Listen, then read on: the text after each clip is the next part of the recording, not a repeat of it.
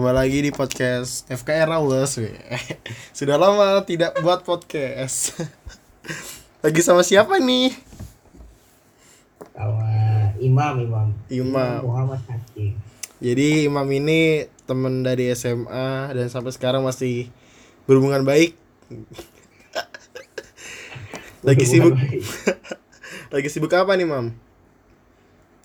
lagi sibuk nih gara-gara corona kan kuliah online gitu sama ngerjain skripsi Hmm, berarti ITK ngasih ini ya, libur juga ya buat kuliah, buat belajar di rumah atau kuliah dari rum- rumah gitu ya? iya jadi kayak kuliah online gitu kan jadi pakai ya Google Meet Zoom gitu-gitu sama Google Classroom banyak tugas Jadi, jadi kamu sekarang di mana nih sekarang? posisi sekarang di Tenggarong Tenggarong. Gimana tuh kasus corona di Tenggarong? Ya kasus corona di Tenggarong sih ndak alhamdulillah ndak nambah ya. Karena nggak tahu juga. Kayak sepi banget Tenggarong jadinya. Sudah sepi makin sepi gitu. Tapi Tenggarong itu nggak sih memberlakukan apa penutupan jalan atau mengurangi akses gitu? di Tenggarong ndak melakukan penutupan jalan sih. Cuma eh, untuk yang berpergian maksudnya yang mau datang ke Tenggarong apalagi dari kota-kota yang dianggap zona merah itu pasti dikarantina dulu di hotel jadi ada hotel yang dikhususkan untuk karantina orang-orang yang datang ke Tenggarong Oh, berapa hari tuh? 14. 14 hari Hmm. Mantap, mantap. Jadi sekarang kuliah di ITK ya, Mam? iya Institut Teknologi Kalimantan Eh, jurusan apa itu? jurusan kalau jurusannya tuh teknologi industri dan proses tapi kalau program studinya teknik elektro Hmm. Sudah masuk semester akhir ini ya? Udah siap-siap TA ya? iya semester akhir sudah ngurus skripsi atau tugas akhir lah kalau di institut nyebut Berarti bisa lah ya kalau Tony lulus ya, selesai.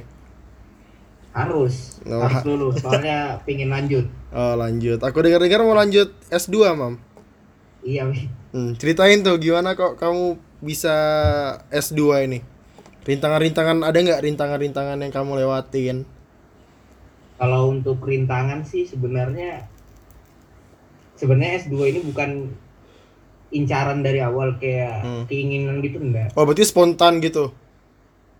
spontan karena ditawarin Spontan ditawarin oleh eh kor koordinator prodi kor prodi Hmm, coba Mam, jelasin aku agak kurang paham itu kalau kayak gini-gini. Jadi waktu itu aku nih lagi ngomong nih sama dosen waliku. Hmm. ngomong sama dosen waliku. Dia ngomong kalau misalnya kamu mau ngambil S2 habis lulus dia bilang. Padahal aku nggak kepingin S2 gitu. Kamu eh, bisa searching-searching tentang beasiswa-beasiswa. Nanti saya kasih tempatnya buat searching kayak gitu. Ternyata koor prodiku tuh mejanya sebelahan sama dosen wali kan dengar.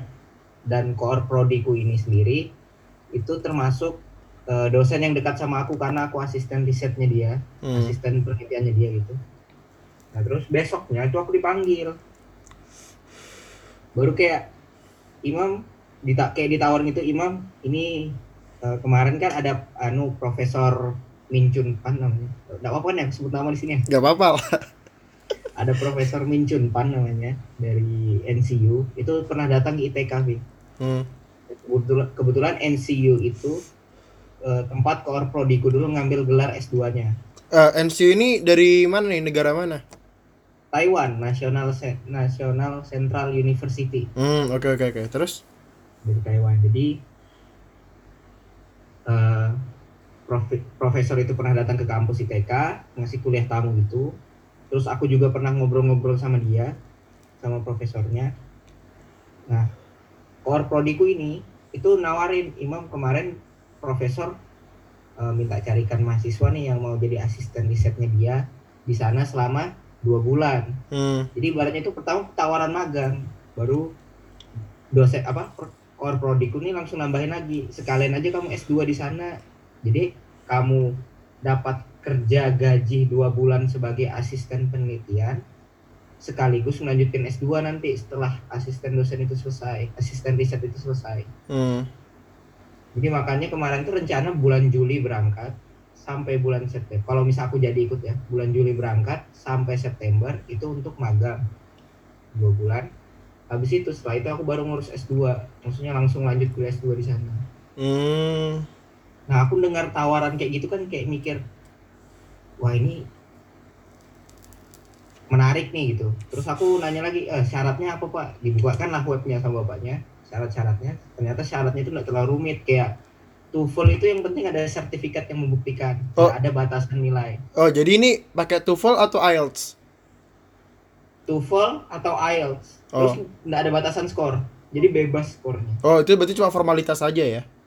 iya cuma kayak formalitas dan TOEFL atau IELTS-nya ini nggak harus ke organisasi yang sah yang betul-betul pak apa yang betul-betul kayak harus apa sih harus skala internasional gitu nih yang mengeluarkan sertifikatnya Hmm. dari dari Indonesia sendiri yang mengeluarkan sertifikat badan-badan kayak Golden Gates terus apalagi tuh yang tempat-tempat apa bahasa Inggris kelas-kelas bahasa Inggris tuh Hmm. kayak gitu pun nggak apa-apa jadi Hmm. kemarin aku pakai Golden Gate waktu itu terus daftar gitu.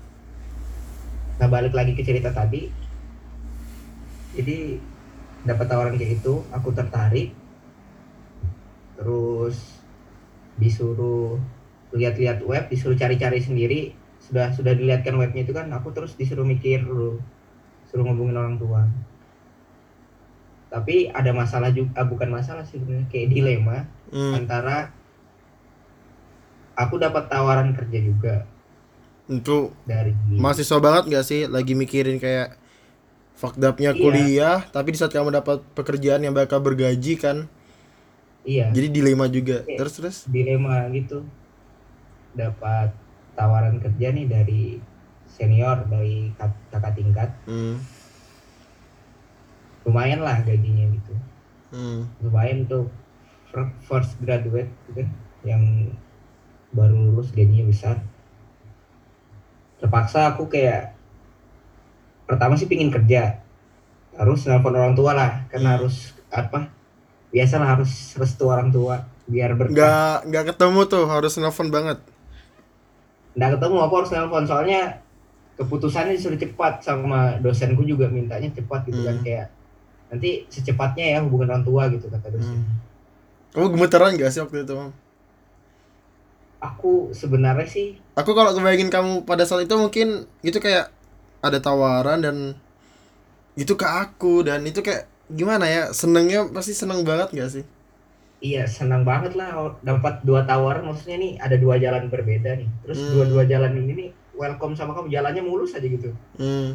Jadi kayak happy kan cuma pinginnya sih ngambil jalan yang kerja gitu. karena pertama ngasilin duit gitu terus nggak perlu kuliah lagi kan siapa coba yang mau capek-capek kuliah lagi Iya sih bener-bener bener.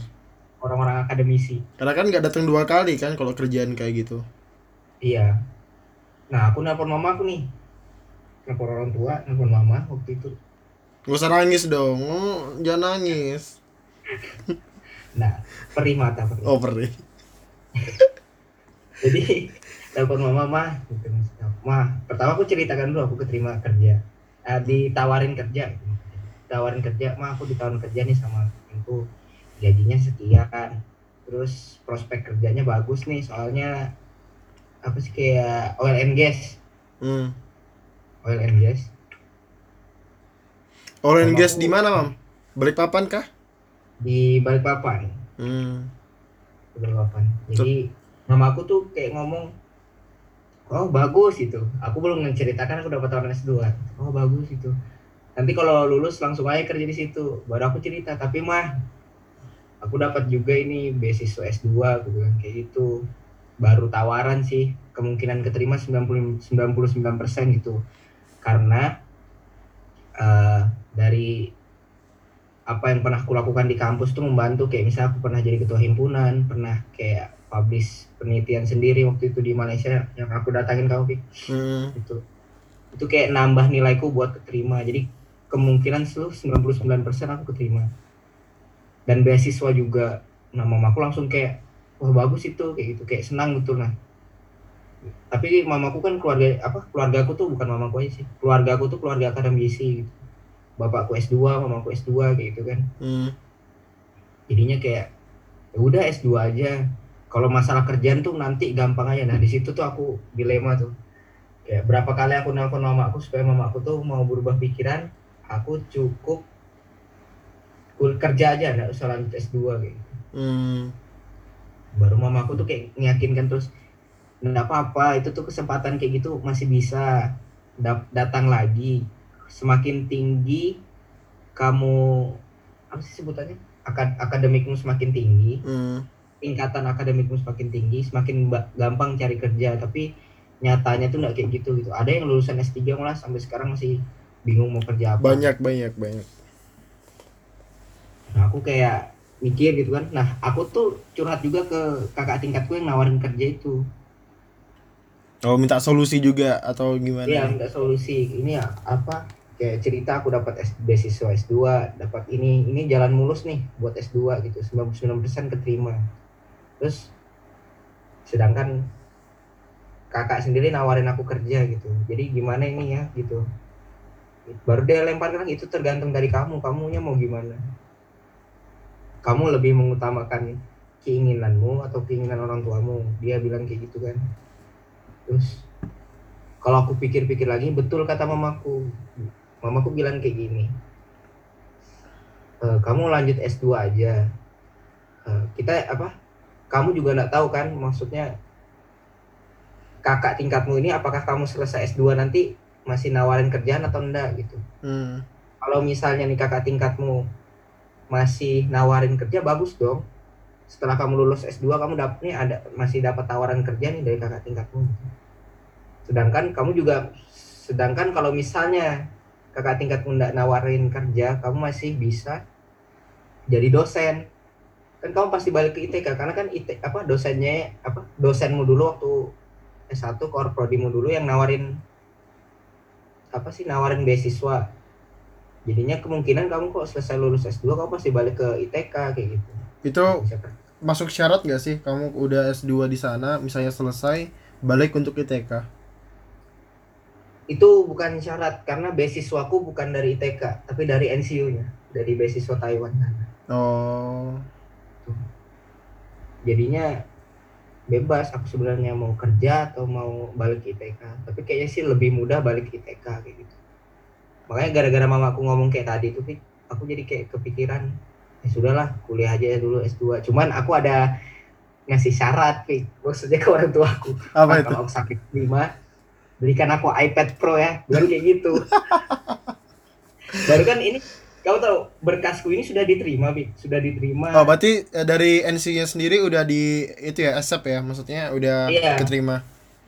Jadi aku tuh dapat apa ya ibaratnya kayak pengumuman lebih dahulu gitu nah. Pengumuman tuh harusnya tanggal 5 Mei. Hmm. 5 Mei. Cuman profesornya tuh sudah baca berkasku terus kasih tahu aku email kalau aku tuh sudah keterima gitu loh. Jadi aku keterima di dua departemen. Kan aku daftar tiga. Hmm. Daftar tiga dan aku keterima dua karena dua ini profesorku itu ngajar di dua departemen ini sedangkan departemen yang ketiga ini dia tidak ngajar di sana. Hmm. nah profesorku dia bilang aku keterima di dua ini. Nah da- di antara tiga nanti pilih aja salah satu kalau misalnya tiga tiganya keterima gitu. jadi kamu ambil yang apa mam? Apa? Ambil yang apa jadi dari tiga itu aku pinginnya sih orang tua aku pinginnya biomedical engineering Hmm. lebih ke medis gitu ya ya tapi aku pinginnya opto mekatronik wah aku baru dengar tuh Nah, aku aku juga baru dengar itu optomekatronik, searching-searching kan. Oh. Kalau aku nggak salah tangkap ya. Optomekatronik itu lebih kayak misalnya kamu tahu alat bubut nggak? Nggak tahu ya alat bubut ya gimana alat ya bubut tuh namanya? apa alat buat ini sawah kah Bukan. Bubut itu orang ngempahat kayu, kamu tahu orang buat Eh, gimana jelasinnya? apa ya? ngukir Ya, kamu tahu alat ngukir yang mutar gini kan? oh tahu tahu tahu baru dia nanti pakai kayu kan yang dipasang situ mutar kayunya baru dia pakai kayak pahat didekatkan ke kayu nanti kayunya lebih kecil gitu iya iya tahu tahu tahu nah itu ya alat-alat yang kayak itu terus kamu pernah nggak ngeliat gergaji kayu orang tuh buat gergaji a- orang-orang barat tuh kalau motong kayu tuh kayak ada mesinnya enak gitu jadi tinggal dorong kayunya tuh potong Oh, tahu tahu tahu. Paham paham. itu tuh bagian optomekatronik dia tuh lebih fokus ke ketelitian gimana sih caranya supaya eh, tingkat ketelitiannya tuh tinggi gitu. Hmm. berdasarkan mekatronika berdasarkan mesin Paham paham mesin paham. yang sedikit digabung sama elektro kayak gitu. Jadi aku mikir kayak optomekatronik ini nggak selalu ke sana Fik. Kayak misalnya bisa juga kita fokus ke biomedik. Jadi untungnya di Taiwan itu aku nanya nih Pak kalau saya aku nanya ke Korproku aku kan sebenarnya pemin aku sebenarnya pingin juga biomedik. Hmm. pingin betul biomedik. Cuman gara-gara aku nanya dosenku pak kalau di sana itu kuliahnya gimana sih? Apa saya boleh nih ngambil mata kuliah prodi apa departemen lain? Sedangkan eh, departemen yang ku ikutin ini berbeda jauh sama departemen itu. Nggak apa-apa. Makanya walaupun aku ngambil optomekatronik tapi aku boleh ngambil nih mata kuliah di teh di teh apa electrical engineering atau ngambil mata kuliah di biomedical engineering gitu. Hmm. makanya ya udahlah optomekatronik aja. Aku belajar hal baru sekaligus eh, penelitianku tuh nggak jauh dari apa yang kuharap ku inginkan gitu. Hmm, gitu. Terus kamu ntar, oh, berarti ini udah fix ya kamu bakal ambil S2 ya? fix bakal ngambil S2 Itu untuk soalnya apa? soalnya iPad Pro ku udah dipesan po Oh, udah ya. udah dipesan Wah. Memang anak-anak, Cuk. Kalau mau apa? Ingin sesuatu harus ada timbal baliknya anjir. Tapi iPod i- i- iPad Pro itu ku aku beli untuk S2 aku juga gitu. Soalnya itu menunjang Iya. untuk desain Bener, bener, hitungan, program dan lain-lain gitu. Jadi aku memang minta belikan itu untuk menunjang aku biar lebih baik gitu aja waktu S2 Berarti dari keluarga sendiri udah setuju ya kamu buat belajar ke Taiwan nanti ya? iya. Terus untuk kamu udah tau gak sih kayak ntar kamu tuh kan Taiwan ya itu ntar kau bakal belajar pakai bahasa apa tuh kok kayak bahasa Inggris kah atau bahasa Cina kah Jadi di ITK itu banyak dosen yang pernah kuliah S2 di sana. oh Banyak. Terus aku kan nanya-nanya juga kenal beberapa dosen yang memang yang kuliah di sana. Nanya-nanya kayak mana sih kuliah di sana itu. Jadi untuk bahasa bahasa Inggris, terutama yang untuk eh, international student, yang mahasiswa internasional itu pakai bahasa Inggris. Terus di sana itu kamu cuman wajib satu kali ikut mata kuliah Mandarin. hmm Jadi selama 2 tahun di sana, aku tuh wajib satu kali aja ikut satu semester. Tapi kalau misalnya kamu sudah sekali, kamu ikut lagi terus sampai sampai 4 semester setelahnya. Enggak apa-apa. Yang penting enggak mengganggu kuliahmu. Jadi minimal SKS-nya kalau di kalau enggak salah di sana itu 24. Jadi selama 4 semester aku di sana itu 24 SKS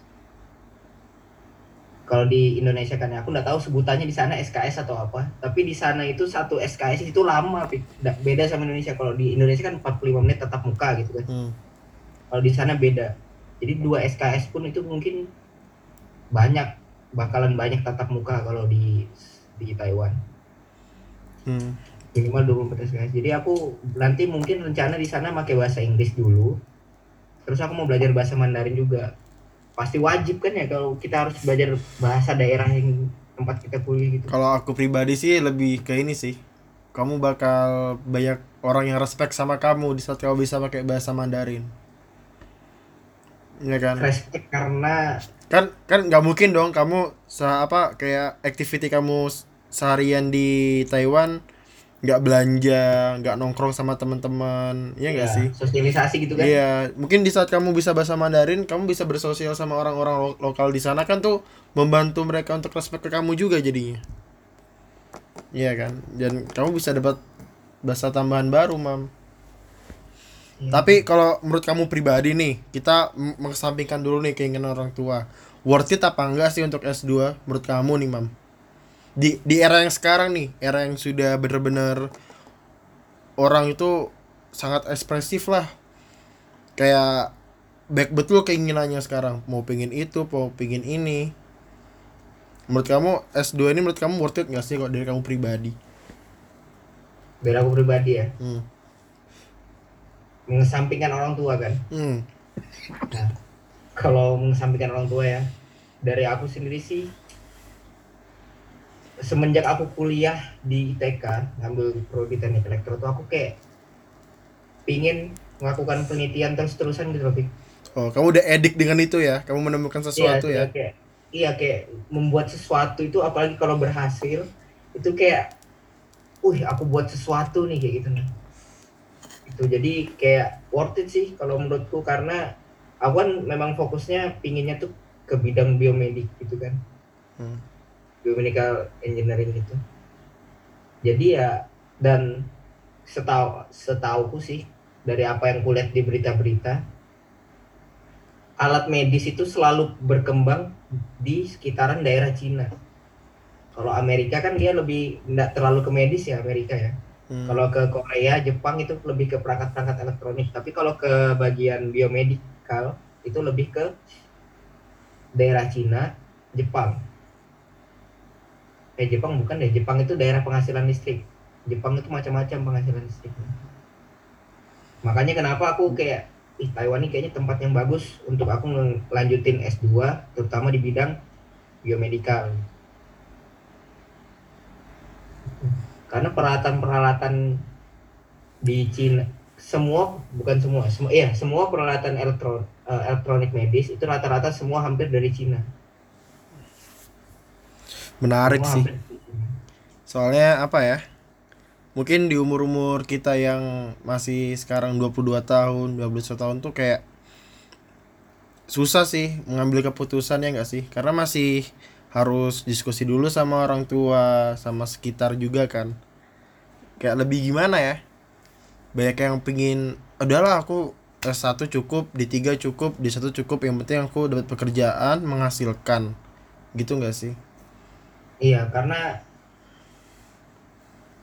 se- karena orang itu eh, kesenangannya beda-beda Hmm. kalau aku kan aku nggak dapat uang yang penting aku bisa penelitian happy gitu kan hmm. Kalau orang mungkin dia dapat uang senang, jadinya yang penting aku habis selesai kuliah ini aku mau kerja dapat uang hidup bahagia gitu. Hmm.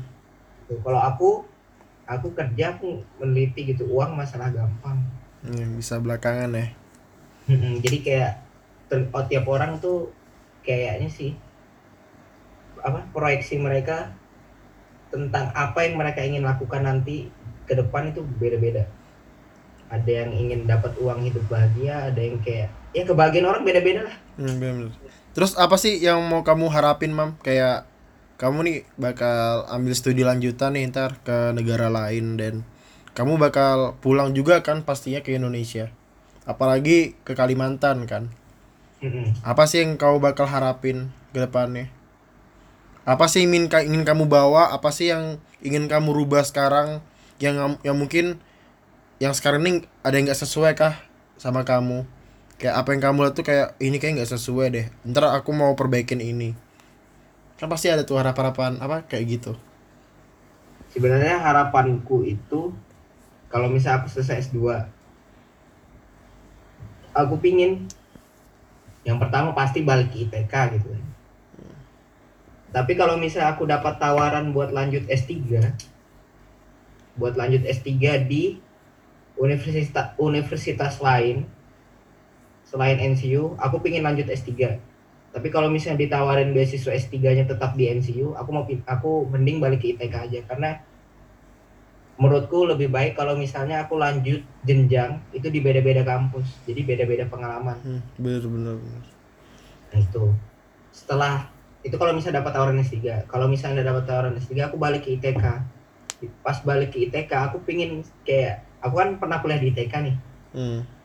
Aku tahu di mana sakitnya gimana ndak enaknya jadi mahasiswa di TK itu mungkin ada beberapa di sana yang mau berubah terus karena aku dapat aku kuliah basis apa S2 biomedik gitu aku pingin kayak ngeru apa sih nemukan sesuatu yang bisa kayak memperingan atau mempermudah pendeteksian suatu penyakit penyembuhan suatu penyakit gitu Oke, contohnya kemarin awal semester 5 aku sama dosenku penelitian riset tentang gimana sih cara deteksi kanker.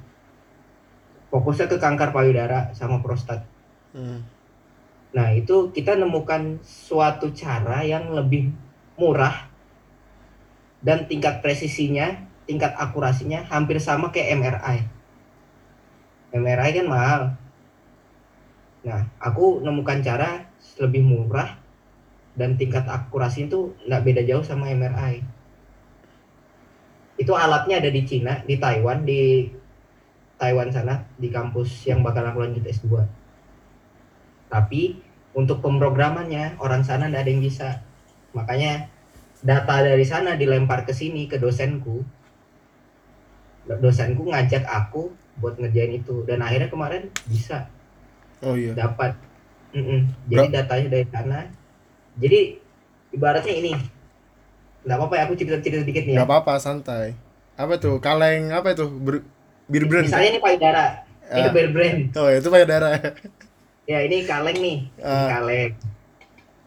Terus kaleng ini misalnya di dalam kutaruh tisu, kutaruh tisu gitu ya, kutaruh tisu. Nah, ibaratnya kaleng ini payudara, tisu itu kanker. Hmm. Kemudian di sekeliling kaleng ini bakalan ditembakkan infrared, Hmm. infrared satu, infrared dua gini-gini kan ditembakkan gitu dari banyak arah secara bersamaan. Berarti Hmm. sen- apa infrarednya ada banyak nih, gitu kan. Hmm. gitu. sampai atas bawah gitu juga ditembakkan nanti di samping infrared ini nanti ada sensor juga yang mendeteksi eh di samping infrared nanti di bot di payudaranya itu bakalan ditempelin sensor cahaya nembak infrared nembak itu nanti bakalan eh, ada cahaya yang membias. Hmm. kayak membias. Misalnya kayak kamera flash. Kalau aku pasang di tangan kamu lihat ada membias sedikit kan ya? Iya, di iya. tangan di tanganku. Iya, iya. Nah, ada bias sedikit ya nah biasan itu nanti yang ditangkap sama sensor. Dari sekian banyak data data yang masuk itu dari sekian banyak yang ditembakkan dan ditangkap sama sensor-sensor itu nanti bakalan direkonstruksi namanya. Jadi image rekonstruksi untuk membentuk gambar dari data yang ditangkap. Datanya berupa apa? Datanya berupa tingkat cahaya yang ditangkap sensor. Itu kanker itu nyerap cahaya. Jadi nanti pada saat terbentuk nanti dari data-data berupa angka-angka itu jadi nanti ku ku program nanti dia bakalan ngebentuk payudara terus ngebentuk payudara terus nanti eh, tingkat cahaya yang paling dikit dideteksi di situ letak kankernya gitu. Hmm. karena kanker itu nyerap cahaya kayak gitu. Dan pada saat aku coba pakai data yang dikirimkan dari sana itu presisinya itu hampir mendekati MRI cuman beda mungkin sekian sentimeter jaraknya. 0,5 sentimeter. Seki- sekitar 1 sampai 0,5 sentimeter kemarin hasil hitungan error antara MRI sama yang ini. Kayak gitu. Ini kan by the way kamu kan ambil elektro mam, tapi kok kamu lebih ke kayak kedokteran gini jadinya? ke dokter kalau dokter itu eh, dia dia ndak mik apa sih ya gimana ya? Dokter itu ndak mikirkan ini. Hmm. dia ndak mikirkan gimana cara mendeteksinya gimana cara alat mendeteksinya dokter itu ndak mikirkan itu Yang Tapi penting ini dokter- kan apa data-data dari dokter juga nggak sih yang kamu dapat ini? Atau memang benar-benar dari orang elektro juga? Saya ini kan soal dan kesehatan. dari orang elektro juga Pi. Oh, saya ini kan dari kesehatan kan, dari kanker loh ini, nggak main-main loh kanker. nah enaknya di Taiwan tuh gitu dia orang yang melakukan penelitian terus dia butuh sampel sampelnya orang sakit kanker kan berarti ini ya Mm-mm. Jadi orang Taiwan tuh buat alat nih, buat alat pakai infrared gitu kan. Kan kalau MRI kan pakai medan magnet, Hmm. kalau salah MRI. Kalau ini pakai infrared ditembakkan gitu kan. Nah di Taiwan itu kalau orang butuh sampel-sampel gitu, mereka tuh dengan senang hati gitu loh, karena ini demi kebaikan, Hmm. demi kebaikan. Jadi kayak ya enggak apa-apa, pakai apa? Aku bersedia jadi sampel. Gitu. Makanya data-data tuh mudah didapatkan di sana untuk terutama untuk bidang biomedik. Tuh. Dia orang teknik elektro buat alat, datang ke rumah sakit dia ngasih tahu dia butuh sampel untuk alatnya ini habis itu habis pengukuran datanya dikirim ke aku dikirim ke kita di ITK terus kita olah datanya gitu. dan kita uh, olah habis kita olah kita kirimkan hasilnya ke sana menarik sih aku baru tahu tuh ternyata elektro bisa nyampe ke tempat-tempat kayak gitu ya yang lebih iya apa? Itu kalau kalau dipikir apa kalau di secara teori itu sebutannya image reconstruction. Masuknya ke mana? Ke artificial intelligence. Menarik menarik. Tapi by the way yang dapat tawaran kayak gini apakah kamu aja mam? Ada nggak teman-teman lain dari TK yang dapat aku aja. Oh kamu baru kamu aja mungkin. Mungkin yang lainnya atau gimana? Baru aku aja yang dapat dari teknik elektro. Baru aku dapat gitu mam. Seru seru seru. Ternyata apa ya salah satu teman saya ada yang sudah sampai tahap-tahap kayak gini nih. Aku jadi penasaran mam. Aku aku takutnya aku cerita cerita kayak gini kan itu takutnya nanti malah hasil akhirnya itu tidak sesuai dengan yang diinginkan gitu enggak lah mam. Itu sebenarnya bertahap mam. Hasil itu sebenarnya kau bisa mencapai hal itu. Cuma memang kadang-kadang jalannya terjal aja. Yang buat kita give up tuh ya nggak sampai dengan harapan itu ya karena kita give up. Iya kan? Tapi ini udah ngurus ini nih apa? Ngurus-ngurus visa segala macam. Nah itu. Itu masalah. Kenapa? Bisa itu tunggu aku wisuda ya kan? Hmm. Tunggu aku dapat ijazah baru aku bisa ngurus visa. Aku baru tahu juga ngurus visa itu ternyata ribet ya. Banget apalagi negara-negara yang kita tuh harus keluar kelu- ke dat- datangin embasi embasinya bukan sih? Iya harus embassy embassinya aku aku aku baru dikasih tahu nanti aku gitu kan kalau sudah dapat ijazah aku harus ke embasinya embasinya Taiwan. Di Surabaya atau di Jakarta embasi Taiwan ada dua kan di Surabaya sama Nah. Jakarta. Aku datang ke salah satu dari itu nanti ngurus visa nanti ada suruh isi berkas baru nanti di belakang ijazah itu ditempel eh di stempel gitu katanya. Dan kamu ntar sampai itu belum selesai loh mang visanya. Sampai kamu ba- Iya. ntar bakal ke Taiwan eh, kamu bakal buat visa visa lagi. Oh di emb embasinya Indonesia? Enggak kantor administrasi di sana? eh, imigrasinya di sana. Karena kamu bakal cek kesehatan juga. Karena kan aku juga di Malaysia kan pakai apa visa student kan jadi buat visa dulu kayak 30 hari untuk entry masuk Malaysia. Setelah itu kalau mau apply visa lagi ada kamu harus ke kampus. Cek kesehatan apa registrasi segala macam baru kamu ntar bakal diproses eh, visa kamu. Memang ribet kalau visa. Susah. Tapi menarik sih mam di Taiwan. Soalnya kan pendidikan di Taiwan kan tinggi juga kan. dan aku baru tahu ternyata Taiwan itu bukan bagian dari Cina tapi dia tuh negara sendiri gitu itu aku Iya. baru tahu semenjak aku disuruh cari-cari sama dosenku searching tentang Taiwan gitu. aku baru tahu kenapa Taiwan apa kenapa Taiwan itu ngasih beasiswa itu eh, sangat mudah syaratnya karena untuk mencari pengakuan setahu setahu sih yang dari kebaca ya Taiwan itu belum diakuin sampai PBB se- sebagai sebuah negara dia diakuin sebagai negara bagian dari Cina.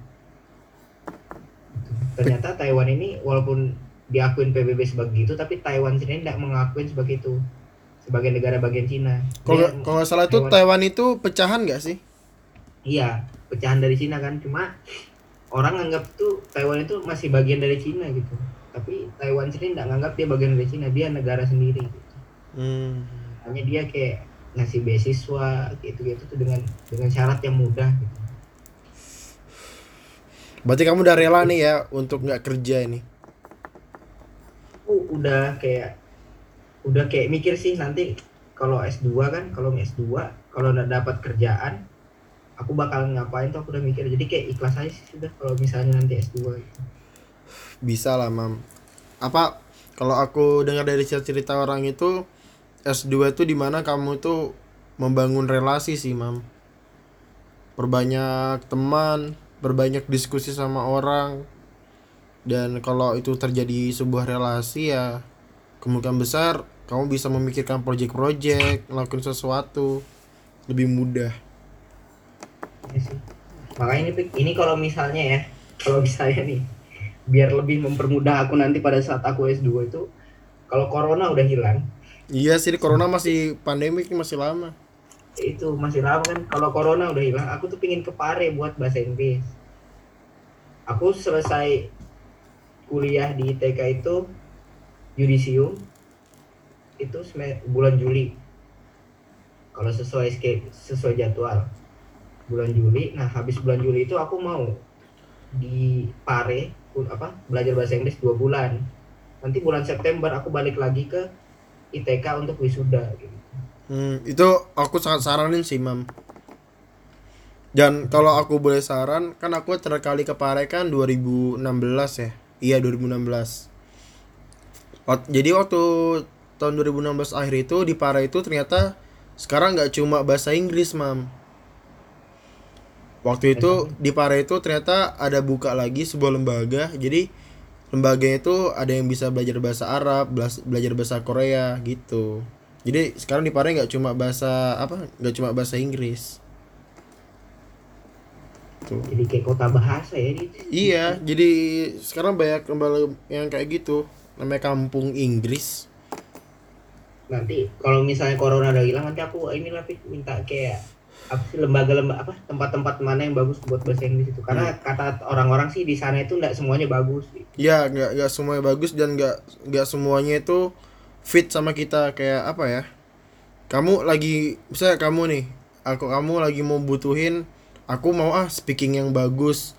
Itu ada satu lembaga yang memang khusus buat ngajarin speaking, nggak belajar grammar, segala macam. Mungkin dirasa kamu mungkin grammar mungkin udah udah mampu ya. Aku maunya speaking aja lah biar lebih confident nih kalau sama orang-orang.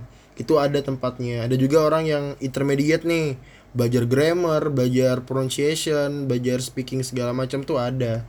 Ada juga yang buat belajar buat TOEFL selama tiga bulan biar TOEFL-nya tinggi. Itu ada juga di sana. Gitu, Mam. memang corona ini menghentikan semua planning ya ternyata. Iya. Hmm. planning planning karena corona juga aku nggak jadi magang Pik. padahal mag- yang magang itu aku sudah lo- lo- lolos. Di mana tuh mam? Yang di Taiwan magang di Taiwan yang dua bulan rencana Hmm. bulan Juli berangkat sampai September tuh. Baru habis itu aku lanjut S2 itu tuh aku sudah lolos pik aku sudah kayak ngurus apa kayak ngurus paspor ngurus berkas-berkasnya udah tinggal berangkat nah nanti bulan Juli. Tiba-tiba dapat laporan kalau ah karena corona nggak bisa Ah, gimana? Corona corona. Dunia lagi kacau nih mam. Gara-gara banyak kebijakan kebijakan negara nih. Ada yang lockdown ada yang kasusnya tinggi. Indonesia masih belum lockdown. Masih kacau ini dunia. Currency setiap negara ada yang naik turun naik turun. Iya. Kayak apa yang buradul aja negara sekarang? Negara-negara dunia. Dari emang kalau pasti sih dari dari masalah-masalah kayak gini pasti ada kebaikannya sih mungkin ya. Salah satunya tuh mungkin polusi berkurang. Bener Tuh. sih orang-orang jarang ber, berafit- apa beraktivitas di luar jadinya. Iya beraktivitas yang menyebabkan polusi polusi itu jarang. Cuma yang aku takutin ini mungkin di saat negara-negara sudah kayak wah kayaknya corona sudah hilang. Waktu sudah diberlakukan seperti biasa masih ada muncul-muncul kasus kayak gitu tuh itu yang aku takutin, Mam. kasus gimana nih Kayak kasusnya ternyata masih ada yang kena corona, masih ada yang tipis-tipis mungkin ada satu dua orang. Itu yang aku takutin, Mam. Dan ntar bakal gede-gede lagi.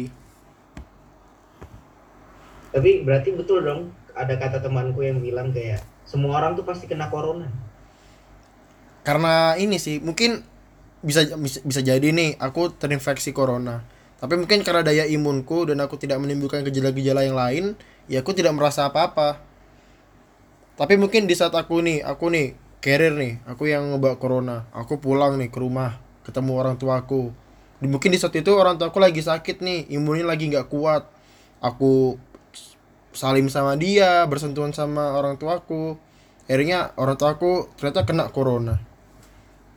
Gitu kan karena kan itu kan menyerang imun kan yang si corona corona ini. Iya. Gitulah ribet mam. Dunia lagi kacau. Jadi gitu. padahal kamu topik yang magang itu hmm? main gede loh gajinya pik berarti magang di sana sekarang digaji ya? Iya digaji. 15.000 ribu. Itu 15.000 ribu dolar Taiwan satu bulan. 15.000 ribu? Dolar Taiwan. Berapa tuh mata mam? kuliahnya? Mata kuliah lagi sama mata uang Taiwan tuh dolar Taiwan kalau nggak salah sebutnya. berapa mam? Kalau di currency ke Indo? Kalau dikaransikan ke Indo itu 7 juta 500an itu bisa buat nambah-nambah uang jajan di sana sih mam. Tapi di sana itu itu termasuk uang hidup. Maksudnya uang hidup 7 juta 500 termasuk kayak kos sama makan. Hmm. tapi kos sama makan itu di sana itu nanti mungkin 3 jutaan aja untuk karena di sana murah kamu udah cek biaya hidup juga di sana mam? Udah udah udah udah cek. Gimana mam? Parah kah biaya hidupnya? Mahal? Atau biasa-biasa aja? di makan di warung mahal di sana. Bukan di warung sih. Iya di warung. Di warung aja mahal. Harga harganya contohnya nih aku mau makan nasi goreng sama es teh satu. Itu bisa sampai seratusan ribu. Sumpah. Kalau makan di warung iya. Karena di sana itu kayak jasa tuh mahal hmm. Gitu. jadi lebih baik kau masak sendiri. Bener sih. Karena mahasiswa itu memang diharuskan masak sendiri mam. Nggak Iya. bisa apa-apa makan makan. Nah, kayak teman-teman di Rusia juga masak sendiri itu nggak ada yang beli di luar. Mereka juga Bener, bilang kan di, di Rusia itu juga nggak ada orang yang nganter-nganter makanan.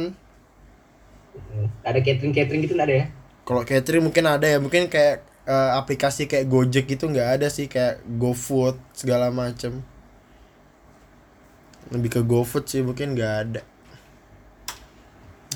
Jadi gitu mam. Jadi kamu berarti udah memastikan buat S2 ya? Udah udah betul. Aku sampai kayak cari asrama di sana tuh gimana sih? Terus biaya asramanya kayak mana? Cara daftar asramanya gimana itu udah aku searching. Soalnya baik juga sih teman-teman kita yang apa yang masih galau karena mereka mi- mikirnya kayak gini kalau mereka mereka ada sih keinginan buat S2 cuma mereka mikir-mikir lagi goalsnya mereka atau tujuan mereka itu bakal ada korelasinya nggak sih buat S2 gitu kayak mungkin teman-teman dari hukum kayak mau ambil notaris itu kan harus katanya S2 ya iya Nah, itu kan ada beberapa yang harus mengharuskan S2. Jadi gitulah. Tapi kalau ngambil S2 itu jangan jangan terlalu dipikirkan ke depannya gimana Hmm. memang bo- boleh sih kayak mikirkan aku nih ke depan pingin kayak gini jadi S2 tuh nggak penting gitu tapi nggak ada yang tahu Hmm. nggak ada yang tahu kayak ke depannya tuh bakalan gimana gitu soalnya aku nggak tahu sih kalau misalnya di profesi yang lain tapi kalau di sisi teknik kalau kamu mau jadi konsultan tapi kamu cuma lulusan S1 itu lama. Lama kamu bisa jadi konsultan kamu harus mulai dari bawah. Seperti itu. Kalau misalnya kamu sudah tingkat akademikmu tinggi kamu mungkin sudah S2, S3 ataupun bahkan profesor itu yang pertama teorimu kuat. Teorimu kuat tentang eh, kalau misalnya kamu misalnya kalau dari elektro yang ingin jadi konsultan PLN teorimu tuh sudah kuat kamu sudah sampai S3 terus konsultan itu dia tidak memikirkan di lapangan. Dia cuma memikirkan kamu mau gimana sih? Kamu mau listriknya keluarnya sekian gitu kah dari PLN terus kamu maunya itu misalnya cuman ada empat yang menghasilkan listriknya. Kamu mengeluarkannya sekian. Dia ngitung hitung hitung hitung hitung oh nih kalau sesuai teori kamu butuhnya ini ini ini. Komponennya tuh ini ini ini. Nanti keuntunganmu keuntunganmu dengan ini tuh sekian. Keuntungan rupiahnya Hmm. sekian. Itu itu konsultan itu. Dan itu tidak harus di lapangan. Dan konsultan itu gajinya tinggi gede. Karena pada saat dia merancang sistem itu yang sesuai keinginannya si fan apa si orang yang minta buatkan ke konsultan Hmm. Kalau misalnya ada terjadi kegagalan karena sistem yang dibuat yang kena konsultan. Tapi kalau berhasil ya itu berarti konsultannya bakalan banyak dapat duit kayak gitu. Karena sekali berhasil dia bakalan dipercaya terus sama yang lain. Itu ya konsultan. entah di bidang apa pun kalau misalnya ada yang sebutan kerja konsultan terutama teknik sipil. Teknik sipil kayak bangunan-bangunan tuh yang paling sering kan. Hmm. ngebuat dam ngebuat waduk ngebuat jembatan apa pun itu itu pasti butuh konsultan kayak butuh perancangan gitu-gitu tuh pasti butuh dan yang perancangan tuh pasti gajinya gede betul mungkin satu bangunan tuh bisa satu m bisa setengah m Proyeknya proyekan gitu ya. Iya. Perproyekan. Makanya teknik sipil itu dapat dari kembaranku sih. Kayak dilajarin gimana sih cara manipulasi gitu. Hmm. Manipulasi kayak gitu-gitu lah. Makanya kayak S2 itu jangan terlalu dianggap kayak enggak terlalu enggak penting. Sebenarnya ada pentingnya juga. Hmm. Dan itu berpengaruh juga ke kehidupan. Ada sih aku beberapa kan nanya hal yang sama juga ke teman-teman kayak kamu mau S2 kah? Dia bilang, "Iya, aku mau S2. Pertama, aku nggak mau kerja." Karena dia mau belajar terus. Dia nggak tahu ke depannya mau ngapain, penting dia mau belajar terus. Yang kedua eh apa? nggak mau nikah. Ini enggak mau nikah, dia ini mau punya keturunan kayaknya. Atau dia tuh enggak mau nikah karena masih belum mau. Atau bakalan enggak mau nikah seterusnya. Ya mungkin mungkin dia perempuan, Mam. Jadi nggak mikirin jadi tulang punggung kan. Dia mau belajar aja. Mungkin Tapi alasannya enggak mau nikah ini karena apa? Dia enggak mau punya keturunan, enggak enggak mau punya anak gitu. mungkin mungkin eh, daripada di apa ya dijodohin sama orang tuanya kamu habis lulus kuliah nih kok kamu gak dapat kerja kamu mau dijodohin aja gimana segala macam mungkin eh aku nggak mau dijodohin ya udah aku S2 aja gitu mungkin Tapi dia nanti bakalan nikah kan kalau sudah saatnya dia pilih. ya, apa sih yang gak enak dari nikah Jadi mau S2 karena enggak mau nikah. tapi berarti dari perspektifmu sendiri S2 itu penting ya Kalau dari perspektifku penting karena berpengaruh ke tujuan ke keinginanku. Dan kalaupun misalnya ada orang yang masih belum tahu keinginannya apa, terus ada kesempatan entah itu untuk S2 dalam kasus ini kan S2 ya. Kalau ada kesempatan ambil aja. Kecuali kalau misalnya kayak di kasusku kan aku nih bisa milih nih mau kerja atau S2. Di situ kamu harus ya banyak-banyak nanya-nanya ke orang lah apa yang lebih bagus buat kamu ambil. Bener juga sih, ada juga beberapa orang yang pingin S2 tapi kayak eh, aku kayak belum bisa S2 deh, kayaknya mau cari beasiswa segala macam, jadi belum bisa. Mungkin kalau dia bisa kerja dulu kan, setelah kerja segala macam, cari-cari buat studi lanjutan ya ambil gitu kan. Baik juga tuh kayak yang mau ambil S2 tapi kayak masih belum sanggup. Eh, kok pokoknya kalau ada kesempatan diambil soalnya kesempatan tuh nggak datang dua kali. Bener sih. Aku ngambil beasiswa ini itu karena kemungkinan keterimanya besar dan itu jarang kan aku kayak dapat ibaratnya kayak dap- dapat kepastian 99% pasti keterima gitu kan. Hmm. Itu kayak hal yang sayang kalau aku sia-siakan jadi ya aku ambil aja. Ya dan semoga yang aku pilih ini yang terbaik. gitu.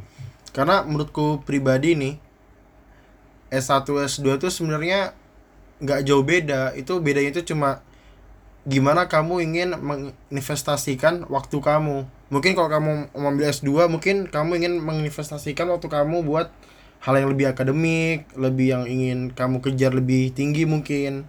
Ada juga mungkin orang yang mau udah aku S1 aja lah, aku mau mencari yang lebih prioritas mungkin. Mungkin dari mau dapat berpenghasilan sendiri mungkin atau mungkin sudah dapat peluang yang bagus mungkin apa yang dia inginkan gitu kan? Karena kadang-kadang orang kalau sudah dilema kayak gini tuh bingung mam mau ngapain? Apalagi banyak juga yang belum dapat pekerjaan segala macam karena semakin sekarang pekerjaan tuh rada-rada gampang-gampang susah iya kan? Iya. ada orang "Ah, aku mau kerja di kantoran. Tapi ngeliat teman-teman kayak ih kok dia kerja di rumah kok dapat duit ya? Kok dia kerja jalan-jalan kok dapat duit ya? Kok dia main game dapat duit ya? Dapat sponsor segala macam ya? Kan ada orang kayak gitu kan? Ada banyak. Aku nggak kuat nih kerja dari jam 9 sampai jam 5 aku mau resign aku mau buat usaha sendiri. Ya, ini kan baik sih orang-orang berubah pikiran kayak gitu. Tapi kalau eh,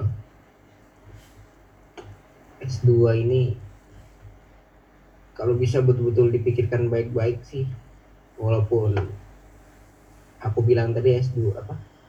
S2 itu penting.